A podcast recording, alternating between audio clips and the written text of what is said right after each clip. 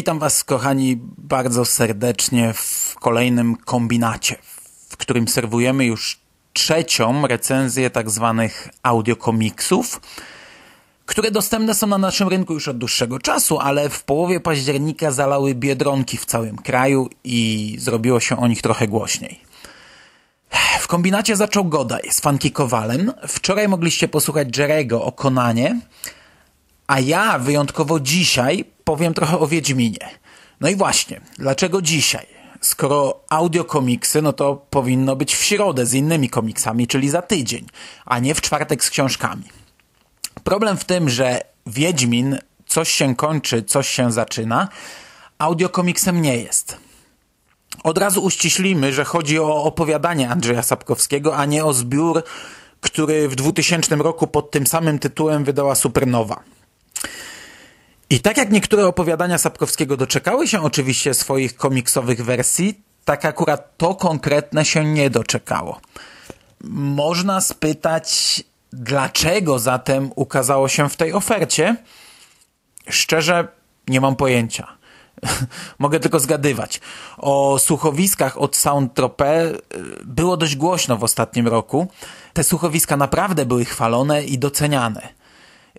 I oni jakoś na początku września zapowiedzieli Wiedźmińskie Słuchowisko, przygotowane na podstawie komiksu, który niedawno w Stanach wypuściło wydawnictwo DC Comics, a który w tradycyjnej papierowej wersji na dniach trafi na półki polskich sklepów, czyli Wiedźmin Dom ze Szkła.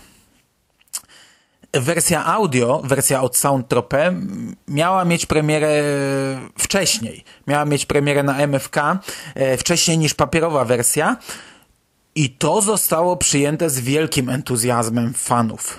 Niestety, no a przynajmniej niestety dla słuchaczy, bo dla wydawcy to raczej dobry obrót sprawy, już na etapie przedsprzedaży wycofano je z rynku. Kto zdążył kupić, ten dostanie je w lutym. Na szczęście ja zdążyłem. Kto nie zdążył, ten już nie kupi, bo słuchowisko będzie częścią dodatków do trzeciej części gry Wiedźmin. Czyli oczywiście będzie do nabycia, ale tylko z grom.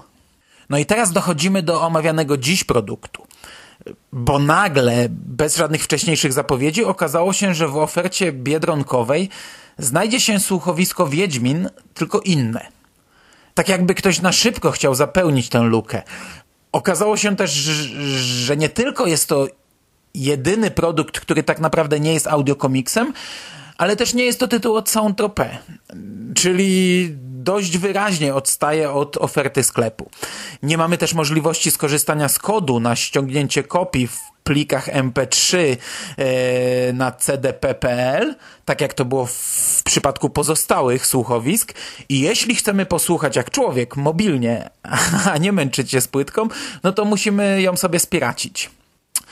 Na pierwszy rzut oka wygląda to trochę na podpięcie się pod serię, bo produkt jest pod każdym względem inny i, nie pasuje nawet do nazwy oferty. Ale z drugiej strony to nie jest jakieś nagranie amatorów.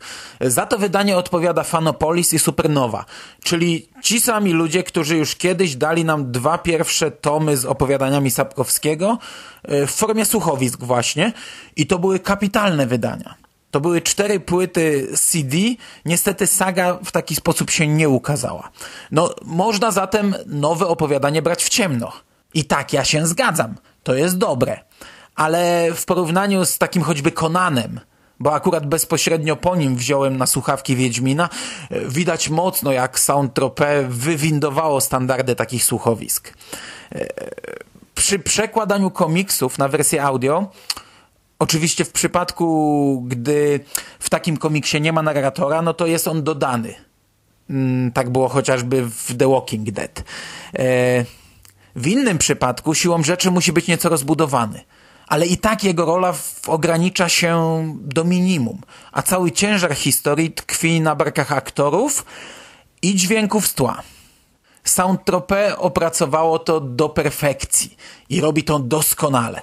W przypadku nowego słuchowiska od Fanopolis yy, mamy oczywiście zachowane wszelkie standardy dobrych słuchowisk, które bledną jednak przy reszcie biedronkowej oferty. Całość oczywiście wzbogaca wiele dźwięków, ale bardzo często Jest to po prostu kilkuminutowy monolog narratora z muzyczką grającą sobie w tle.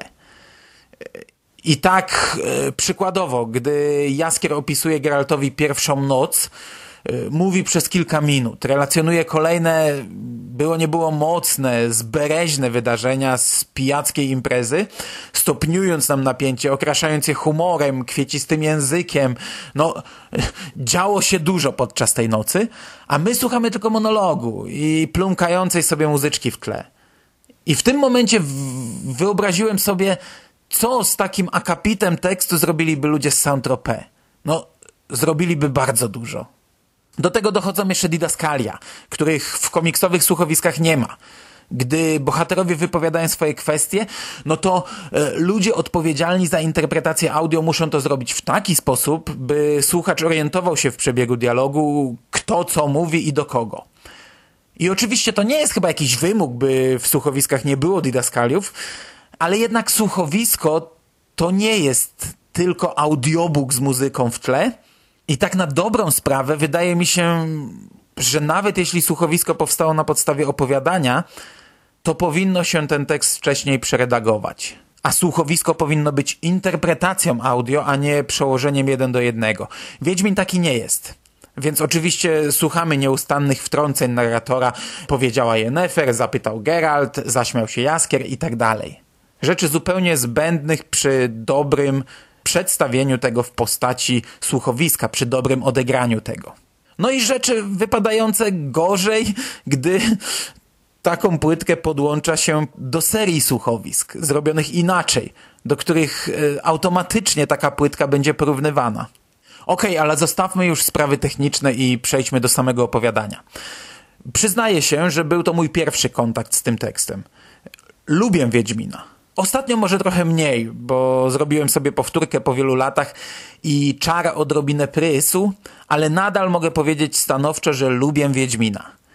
Nie jestem jednak fanem ani Andrzeja Sapkowskiego, ani nawet samego Wiedźmina jakimś przesadnie wielkim fanem nie jestem.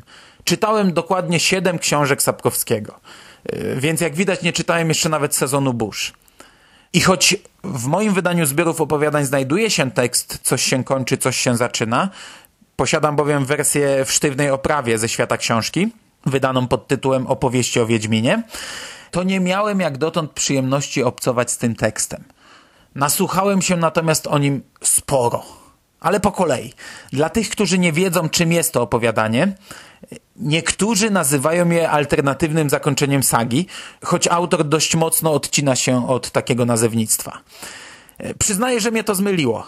I przez lata myślałem, że to opowiadanie miało odgrywać taką rolę i być żartem, humorystyczną wersją finału e, dla tych, którzy tego prawdziwego zakończenia nie mogą się doczekać. Myślałem, że to opowiadanie powstało właśnie w takim celu. No, nic bardziej mylnego. Może i było to humorystyczne, ale impulsem do napisania tekstu była informacja o ślubie Pauliny Breiter z Pawłem Ziemkiewiczem. I serio byłem zdziwiony, w jakim błędzie żyłem, przyjmując na słowo zasłyszane głupoty, które nie interesowały mnie na tyle, by je zweryfikować. No bo przyznaję, że alternatywna, niekanoniczna wersja Wiedźmina absolutnie mnie nie interesowała.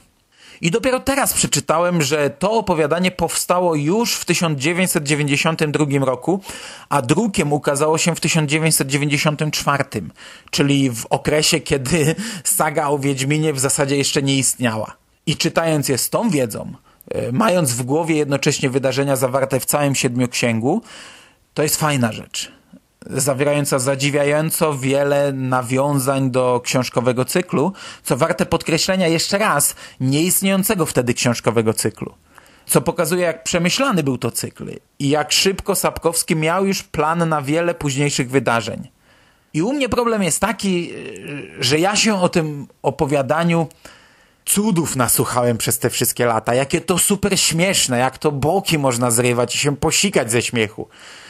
No i zgadzam się, to ma zabawne momenty, ale uważam, że jeśli już to są poniżej ogólnych standardów w całym Wiedźminie niż powyżej.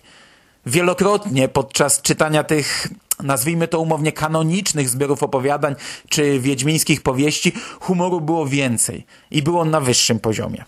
Rozumiem, jakie cele przyświecały powstaniu tego opowiadania. Rozumiem, że zainteresowani mogli bawić się na nim doskonale, ale może gdybym przeczytał je te 20 lat temu, bo i sama saga kiedyś robiła na mnie dużo większe wrażenie. No, na chwilę obecną nie porwało mnie. Przesłuchałem, ale tak naprawdę ni ziębi, ni grzeje. Ale oczywiście jest to nadal Wiedźmin czyli coś, co nie schodzi poniżej jakiegoś wyznaczonego poziomu i oczywiście ja to kupiłem z przyjemnością i kupiłbym ponownie, gdybym musiał. Dzisiaj oceniam to trochę za mocno pod kątem innych produkcji, tych od Soundtropé, ale to tylko dlatego, że z taką ofertą do ludzi wyszło CDP.pl i Biedronka. I oczywiście to była oferta świetna. I ja z niej skorzystałem w pełni, bo kupiłem wszystko, czego mi brakowało. Czyli prawie wszystko, co było w ofercie to konkretne słuchowisko jak dla mnie wypadło nieco słabiej niż pozostałe i było na siłę doklejone do pozostałych, e, ale po pierwsze to nadal było świetne słuchowisko, a po drugie tego już nie ma w Biedronkach I, i za miesiąc nikt nie będzie pamiętał, że to było w jakiejś ofercie. Aktualnie to wydanie jest dostępne w sklepach z książkami czy muzyką i ja pomimo tych wielu słów krytyki nadal bardzo polecam zakup, bo w oderwaniu od pozostałych tego typu produkcji E, coś się kończy, coś się zaczyna występujące jako samodzielny twór, no to jest naprawdę dobra rzecz. Can you take me home?